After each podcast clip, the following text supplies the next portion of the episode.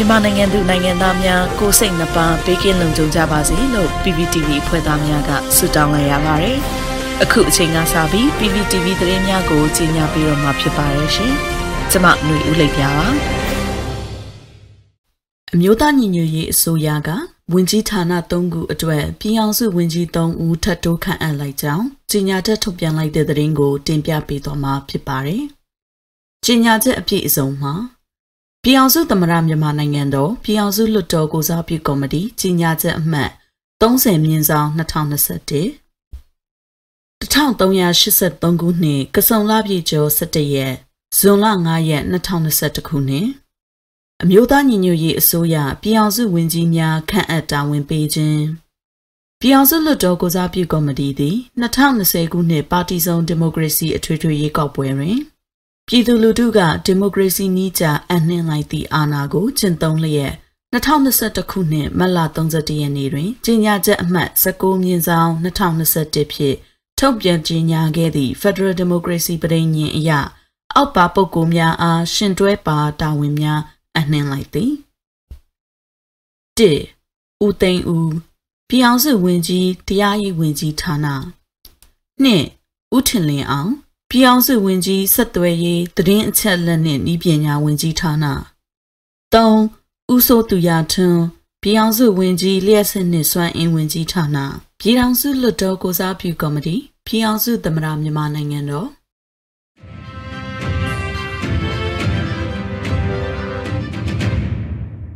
မြန်မာနိုင်ငံအတွင်းကို73စီတင်သွင်းတဲ့ကုမ္ပဏီတွေအနေနဲ့ပြည်ပကနေအကျွေးစနစ်နဲ့73စီတင်သွင်းလို့မရတော့ဘူးဆိုတဲ့သတင်းကိုဆက်လက်တင်ဆက်ပေးပါမယ်။မြန်မာနိုင်ငံကိုအကျွေးစနစ်နဲ့73စီပုံမှန်ရောင်းချပေးနေတဲ့ပြည်ပကုမ္ပဏီတွေအားလုံးဟာအခုအချိန်မှာတော့အကျွေးနဲ့ရောင်းချတာကိုရပ်ဆိုင်းလိုက်ပြီလို့သိရပါတယ်။မြန်မာနိုင်ငံမှာဗန်လုပ်ငန်းတွေကမောက်ကမဖြစ်နေတာကြောင့်ငွေမချေနိုင်မှာကိုစိုးရိမ်ပြီးအခုလိုပြည်ပကုမ္ပဏီတွေဘက်က အကျွေးနဲ့73စီကြိုးရောင်းစနစ်ကိုရပ်ဆိုင်းလိုက်တာဖြစ်ပါတယ်။အခုအချိန်မှာမြန်မာပြည်တွင်းမှာတုံလောင်ထားတဲ့73စီအရန်ပမာဏကလည်းအရင်ကထက်လျော့ကျလာနေပြီး73စီပြက်လက်နိုင်တဲ့အခြေအနေကိုစိုးရိမ်ဖွယ်ရာကြုံတွေ့နေရတာဖြစ်ပါတယ်။အကျွေးစနစ်နဲ့ပေးသွင်းထားတဲ့ပြည်73စီတွေအတွက်ပြည်ပကုမ္ပဏီတွေကိုအရင်ကနှစ်လကြာပြီးမှငွေပေးချေနိုင်ပေမဲ့အခုချိန်မှာတော့ငွေကိုချက်ချင်းပေးချေရတယ်လို့မြန်မာနိုင်ငံ73စီ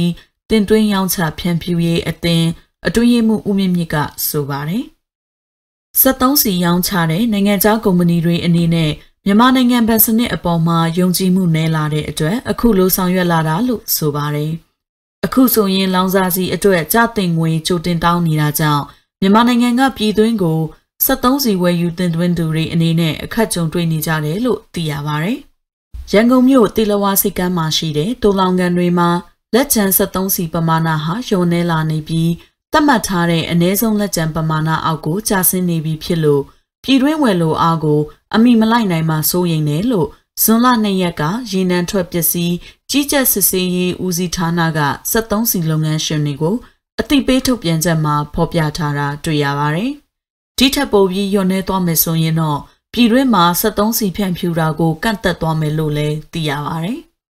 တကယ်တမ်းတနိုင်ငံလုံးရဲ့စီအသုံးပြုမှုတရက်ပမာဏနဲ့လက်ကျန်စီပမာဏဒီနှစ်ခုကိုချိန်ဆကြည့်မယ်ဆိုရင်ပြည်ရဲမှာလောင်စာစီပြက်လက်နိုင်တဲ့အနေအထားမရှိသေးကြောင်း73စီတင်သွင်းရောင်းချဖြန့်ဖြူးရေးအသင်းအတွင်းရေးမှူးဦးဝင်းမြင့်ကတော့ပြောပါရယ်လောင်စာစီတင်သွင်းသူတွေအနေနဲ့တတ်နိုင်သလောက်လိုအပ်ချက်ကိုဖြည့်ဆည်းနိုင်ဖို့လုပ်နေကြပါတယ်လို့ပြောပါရယ်ပြည်ပကနေစီဝယ်ယူရမှာအဓိကအကြဆုံးကတော့နိုင်ငံခြားငွေစည်းပဲဖြစ်ပါတယ်။ လက်ရှိမှာ American Dollar တန်ဖိုးတက်နေတာကြောင့်လဲ73စီကိုအရင်ကလိုများများဆဆမဝယ်လောင်နိုင်တဲ့အခြေအနေရှိပါတယ်။တကယ်လို့သာပြည်ပကနေ73စီကိုအလုံးအင်းနဲ့ဝယ်ယူလိုက်မယ်ဆိုရင်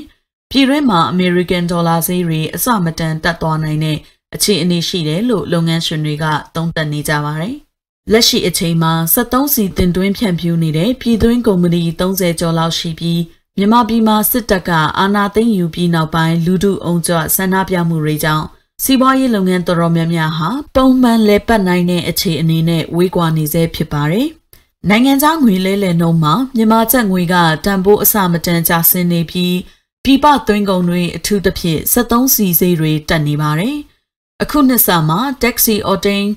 92တကာလန်ကို925ချက်ပဲရှိပေမဲ့ အခုဇွန်၄ရက်မှာတော့985ချက်ရှိပါတယ်။ဒီဇယ်ကတော့အခုနှစ်ဆမှာ1လီတာကို965ချက်ရှိပေမဲ့ဇွန်လ၄ရက်မှာတော့985ချက်ရှိပါတယ်။ Premium Diesel ကတော့1လီတာကို995ချက်အထိရောက်နေတာလည်းဖြစ်ပါတယ်လို့သိရှိရပါတယ်ရှင်။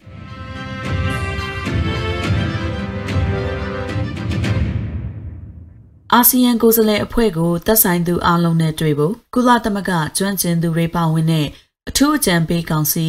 SCCM ကတိုက်တွန်းလိုက်တဲ့သတင်းကိုဆက်လက်တင်ဆက်ပေးသွားမှာဖြစ်ပါတယ်။မြန်မာဒီမိုကရေစီအရေးချောင်းဝင်ဖြည့်ရှင်ဖို့ရည်ရွယ်ပြီးမြန်မာနိုင်ငံကိုရောက်ရှိနေတဲ့အာဆီယံကိုယ်စားလှယ်တွေအနေနဲ့သက်ဆိုင်သူတွေအားလုံးနဲ့တွေ့ဆုံဖို့ကုလသမဂ္ဂကျွမ်းကျင်သူတွေပါဝင်တဲ့အထူးအကြံပေးကောင်စီ SCCM နဲ့ အမျိုးသားညီညွတ်ရေးအစိုးရ NUG တို့ကတိုက်တွန်းလိုက်ကြပါတယ်။ကုလသမဂ္ဂလုံခြုံရေးကောင်စီနဲ့အာဆီယံကတာဝန်ပေးထားတဲ့ကိုယ်စားလှယ်တွေအနေနဲ့ပြဿနာကိုဖြေရှင်းနိုင်အောင်သက်ဆိုင်သူတွေအားလုံးနဲ့တွေ့ဆုံဖို့လိုအပ်ကြောင်းကုလသမဂ္ဂကျွမ်းကျင်သူတွေပါဝင်တဲ့ထူးအကြံပေးကောင်စီ SACM ကကြီးညာချက်ထုတ်ပြန်ပြောဆိုလိုက်တာပါ။ဘရူနိုင်းနိုင်ငံဒုတိယနိုင်ငံသားရေးဝန်ကြီးအက်ဒဝင်ပေဟင်ယူဆုဖ်နဲ့အာဆီယံအတွင်းရေးမှူးချုပ် လင်းကျော်ခွိုင်တို့စစ်ကောင်ဆောင်မင်းအွန်လိုင်းနဲ့တွေ့ဆုံခဲ့ကြတဲ့တောက်ကြနေမှာပဲတိုက်တွန်းပြောဆိုလိုက်တာလည်းဖြစ်ပါတယ်။ NUG အမျိုးသားညီညွတ်ရေးအစိုးရပြောခွင့်ရပုဂ္ဂိုလ်ဒေါက်တာဆဆာကတော့တွေ့ဆုံဆွေးနွေးမှုတွေမှာသက်ဆိုင်သူတွေပါဝင်ဖို့လိုတယ်လို့ပြောဆိုခဲ့တာပါ။ကျွန်တော်တို့ရဲ့အာဆီယံညီအကိုတွေနဲ့ညီအမတွေအနေနဲ့မြမပြဿနာဖြေရှင်းရာမှာအကူအညီပေးဖို့ဆန္ဒရှိကြတာအတွက်ကျွန်တော်တို့ကျေးဇူးတင်ကြောင်းထပ်ပြောပါရစေ။ ဒါပေမဲ့မြန်မာနိုင်ငံသားတွေရဲ့အနာဂတ်နဲ့ပတ်သက်ပြီးဘယ်လိုဆွေးနွေးတာပဲဖြစ်ဖြစ်ဘာဆွေးနွေးပွဲကိုပဲလုပ်လို့မြန်မာပြည်သူတွေပါဝင်ရမှာဖြစ်တယ်လို့သူတို့အတန်တွေကိုနားထောင်ရမှာဖြစ်ကြောင်းထပ်ပြောပြရစီလို့ဒေါက်တာဆဆာကပြောဆိုခဲ့ပါတယ်။မြန်မာနိုင်ငံမှာ February လစစ်တပ်အာဏာသိမ်းပြီးတဲ့နောက်ပိုင်းမှာမတည်ငြိမ်တဲ့အခြေအနေတွေကြောင့်အာဆီယံကောင်းဆောင်တွေဟာမြန်မာအရေးနဲ့ပတ်သက်ပြီးအင်ဒိုနီးရှားနိုင်ငံဂျကာတာမြို့မှာဧပြီလ24ရက်နေ့က အထူးအစည်းအဝေးတရက်ခေါ်ယူကျင်းပခဲ့ပါတယ်။အဲ့ဒီနောက်ပိုင်းသတင်း၆ပတ်အကြာမှာအခုလိုအာဆီယံကိုယ်စားလှယ်နှစ်ဦးမြန်မာနိုင်ငံကိုလာရောက်ကြတာဖြစ်ပါတယ်ရှင်။အာဆီယံအထူးအစည်းအဝေးကနေရခဲ့တဲ့ဘုံတဘောတူညီချက်9ရက်ထဲမှာမြန်မာနိုင်ငံအတွင်းအကြမ်းဖက်မှုတွေချက်ချင်းရပ်တန့်ဖို့ဆက်ဆိုင်ရာအဖွဲ့အားလုံးညှိနှိုင်းဆွေးနွေးမှုစတင်ဖို့ညှိနှိုင်းမှုတွေအတွက်ကြားဝင်ဆောင်ရွက်ပေးမယ်အထူးတန်တမန်ခန့်အပ်ဖို့နဲ့ လူသားချင်းစာနာမှုအကူအညီတွေပေးခွင့်ပြုဖို့ကို ပါဝင်နေပေမဲ့အခုအချိန်ထိတော့အကောင့်ထဲပေါ်နိုင်မှုမရှိသေးကြောင်းအခုအာဆီယံကိုယ်စားလှယ်နှစ်ဦးရဲ့မြန်မာခီးစဉ်ဟာဒီပုံသဘောတူညီချက်ထဲကအချက်တစ်ချက်ဖြစ်တဲ့မြန်မာနိုင်ငံဆိုင်ရာအာဆီယံအထူးတန်တမန်ခန့်အပ်ဖို့အတွက်မြန်မာဘက်ကအတည်ပြုချက်ရယူဖို့ရည်ရွယ်ကြောင်းအင်ဒိုနီးရှားတန်တမန်တဦးကဒီသတင်းပတ်စောပိုင်းမှာပြောဆိုခဲ့တယ်လို့ AP သတင်းမှာဖော်ပြခဲ့တာတွေ့ရပါတယ်